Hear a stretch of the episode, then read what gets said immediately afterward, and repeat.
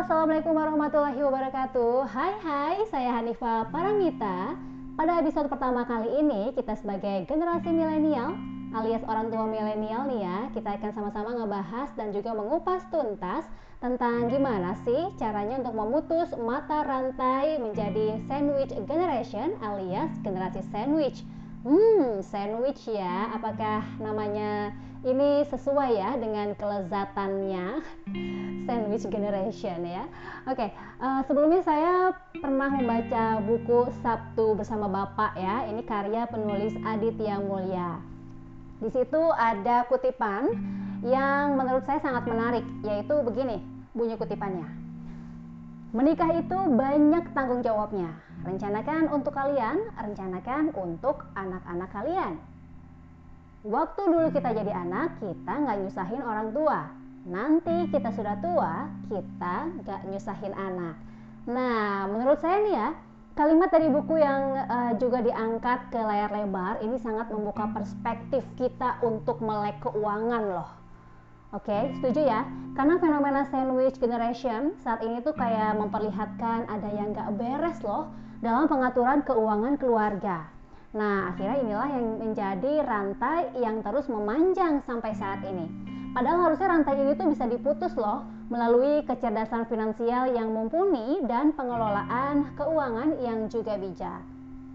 Memang ya nggak pernah ada loh yang mau menjalani kondisi terhimpit ya gimana pun keadaannya.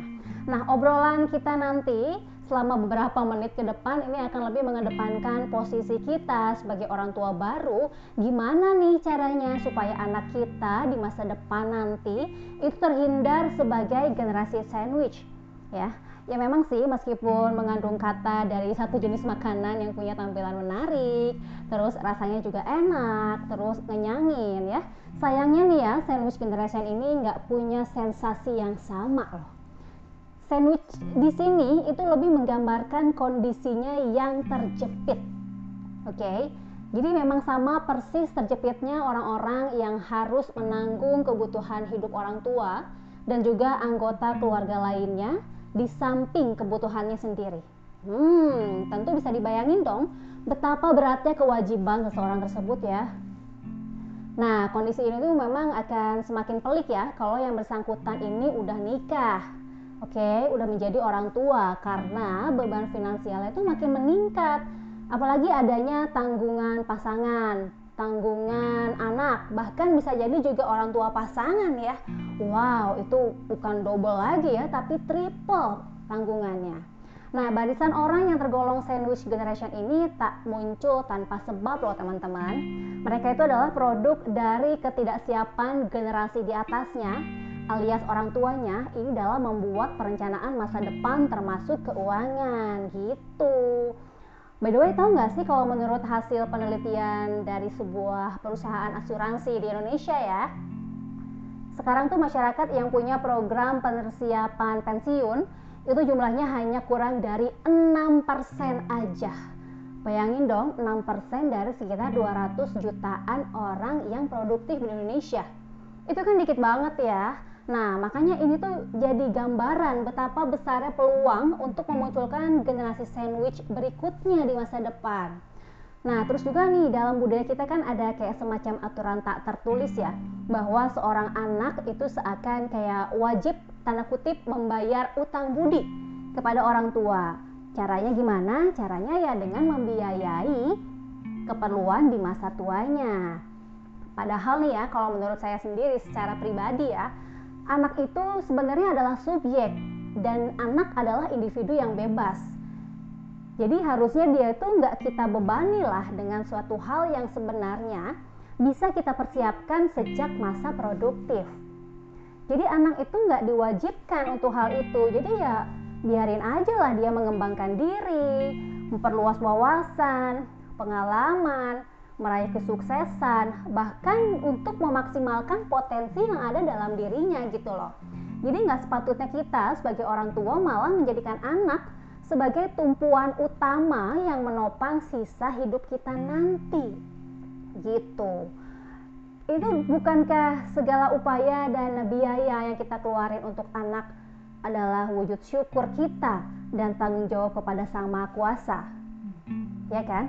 Lantas ya kenapa merasa harus ada timbal balik? Ya nggak sih?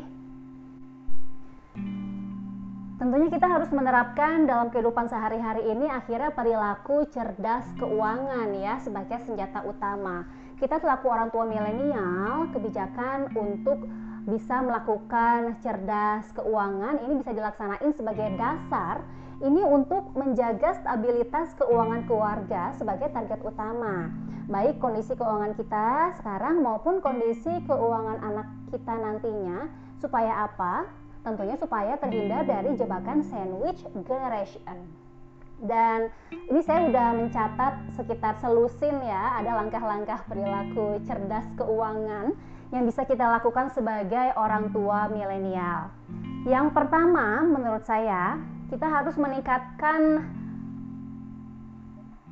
kemampuan literasi keuangan. Itu wajib banget ya.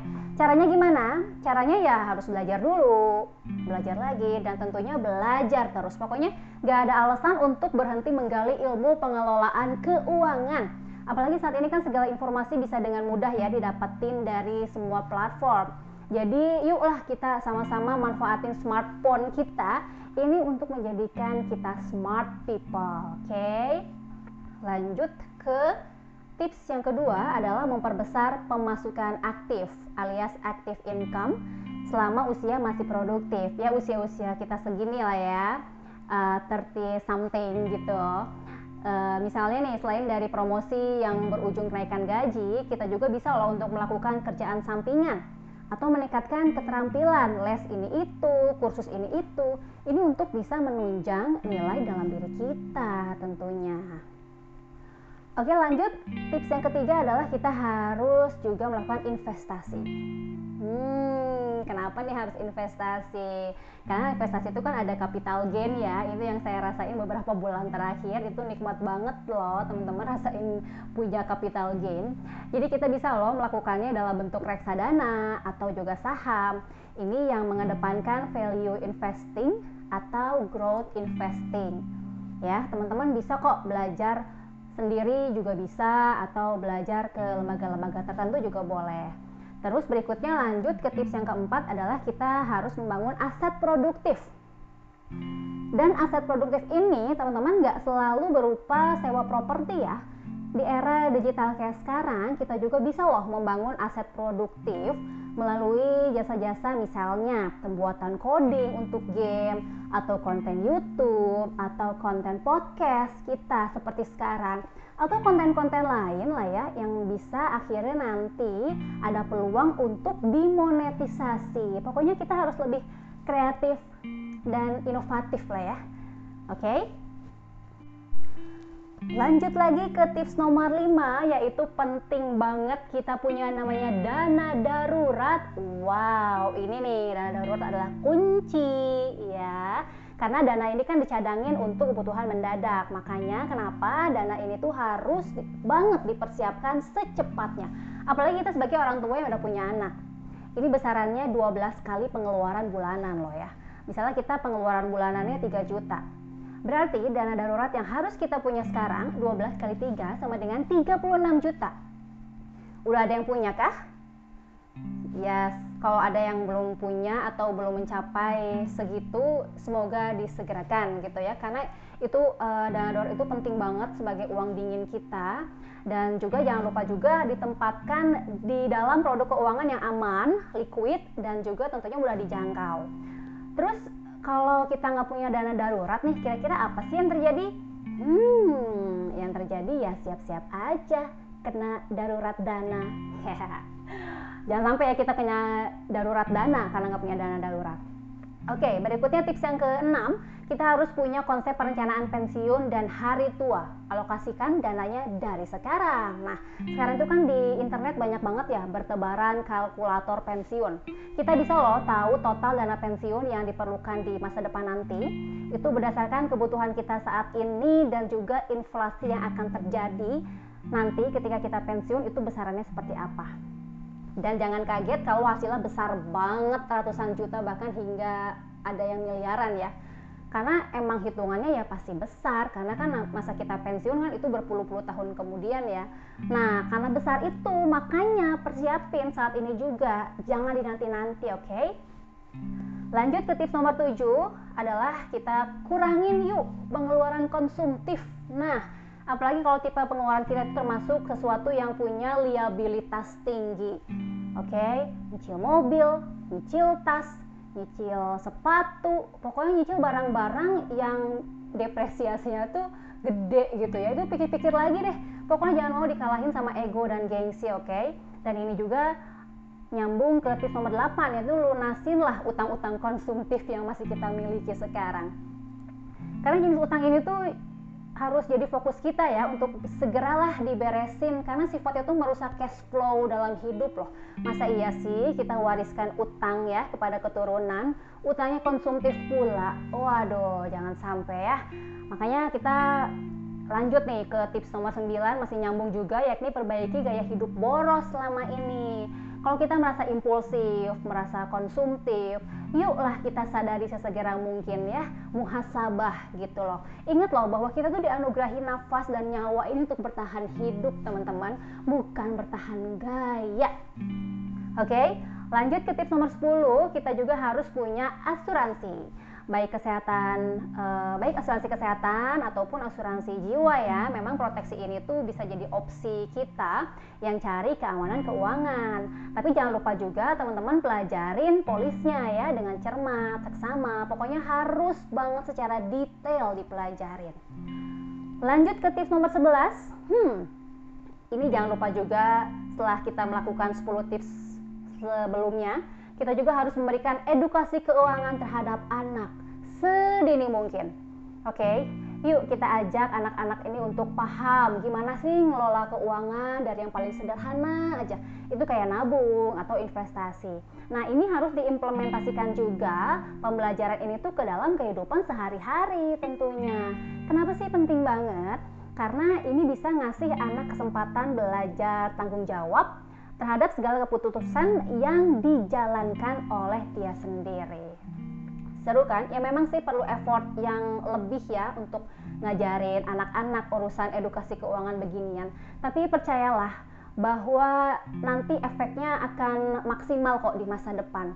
Oke, okay? hanya perlu effort sekarang kok supaya kita nantinya juga nyaman ya anak gak jadi sandwich generation. Nah tips berikutnya tips ke-12 ini kalau perlu ya teman-teman juga bisa loh menghubungi konsultan keuangan atau perencana keuangan yang bersertifikasi. Tujuannya untuk konsultasi untuk ngambil keputusan finansial baiknya seperti apa bijaknya seperti apa ini boleh loh teman-teman berkonsultasi ya dengan konsultan keuangan. Daripada salah ngambil langkah ya mendingan tahu ilmunya gitu dan ada teman berdiskusi supaya ilmu kita tuh nyampe gitu. By the way, hmm, kalau menurut agama yang saya yakini ya, ini tuh ada hadis yang mengungkapkan gak ada tuh manusia yang miskin karena membelanjakan harta untuk orang tua. Pasti pada tahu dong ya hadis itu seperti apa. Tapi kalau kita pikir-pikir sih, iya sih. Tapi kalau kita jadi orang tua yang mandiri, yang nggak membebani anak, kan nggak ada salahnya juga ya. Ya nggak sih? Kalau kelak anak dengan sukarela ngasih bantuan finansial nanti ketika kita tua, ya itu anggap aja lah sebagai hadiah, bukan keharusan, ya kan? Sepertinya memang perencanaan keuangan untuk masa pensiun dan hari tua ini belum jadi perhatian khusus ya di masyarakat di Indonesia gitu. Jadi ya nggak heran lah kalau generasi sandwich itu ya bisa muncul, terus-terusan muncul, ada terus ya karena mereka nggak punya orang tua yang sejak awal itu udah nyiapin dana pensiun. Makanya ini jadi pembelajaran banget bagi kita para orang tua baru orang tua milenial ini untuk menjadikan jaminan keuangan di masa tua nanti sebagai prioritas utama.